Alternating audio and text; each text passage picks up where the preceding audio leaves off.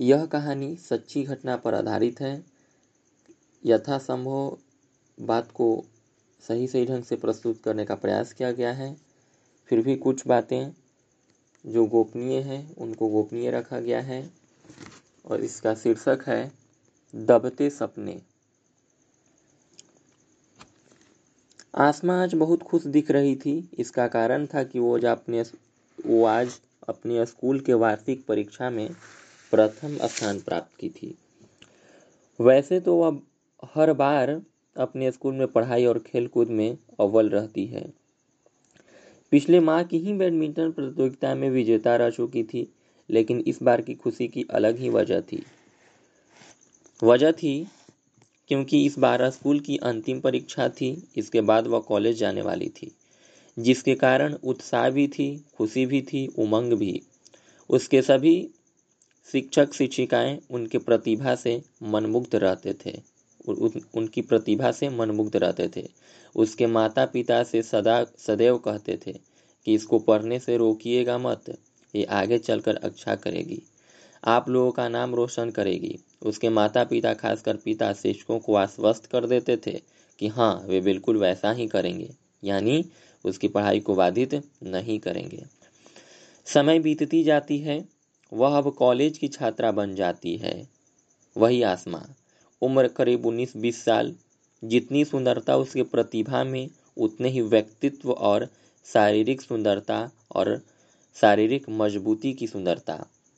वह समाज की परवाह किए बिना, समाज के बसिंदों की परवाह किए बिना अपने पंखों से लंबी उड़ान भरना चाहती है, लंबी उड़ान तय करना चाहती है। अपनी सभी सहेलियों में होनहार उस पक्षी को कहाँ पता था कि उसके उड़ान को रोकने के लिए शिकारी सातिर दिमाग से जाल बिछा रहा था? वह शिकारी कोई और नहीं, उसके पिता ही थे। अचानक एक दिन वही शिकारी, अचानक एक दिन वही शिकारी पिता शादी का कार्य लिए उसके सबसे मार्गदर्शक शिक्षक के पास जाते हैं।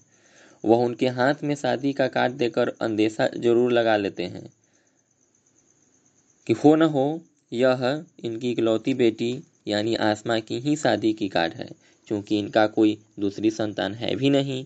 और खैर खैर कार्ड खोलते हैं, उस पर लिखे नाम को देकर उनका अंदेशा सच साबित हो जाता है। वह स्तब्ध हो जाते हैं। वह बदबदाते हुए बोलते हैं, आपने ये क्या कर दिया?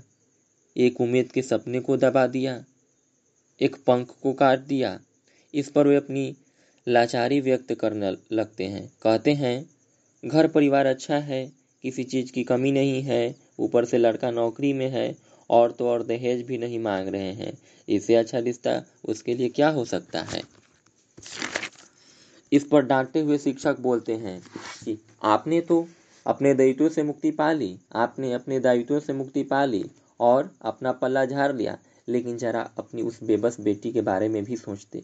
उस उसके हौसले के बारे में भी सोचते। क्या एक बार भी अपने सोचा कि उसकी भी कुछ ख्वाहिशें होंगी? बताइए आखिर क्यों उसके सपनों का गला घोंट दिया आपने? क्यों उसके पंख काट दिया आपने? इस पर पिता निरुत्तर होकर शर्मिंदगी महसूस कर आँखें नीचे कर लिए। खैर, अब जो होना था, सो हो ही गया, लेकिन अब क्या करना था, कर दिया, अब जो होना है, वो होगा। आज उसकी सभी सहेलियाँ अपने अपने क्षेत्र में सफल हैं। कोई नौकरी में है, कोई अन्य अपनी अपनी विधा में सफल है। और वही आसमा जो अपने क्षेत्र में अव्वल थी। हर क्षेत्र में अव्वल थी। आज घर गृहस्थी में ही पीस रही हैं।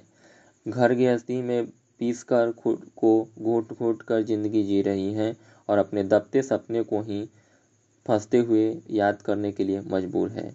बाप का बोझ भी उतर गया। लड़की वाले को पढ़ी लड़के वाले को पढ़ी लिखी काम करने वाली बहू के रूप में दाई भी मिल गई। तथा समाज की रीत, मगर आसमा के लिए, मगर आसमा के साथ क्या हुआ? उसे एक लड़की होने के कारण आज घुटती हुई ज़िंदगी महसूस हुई। धन्यवाद।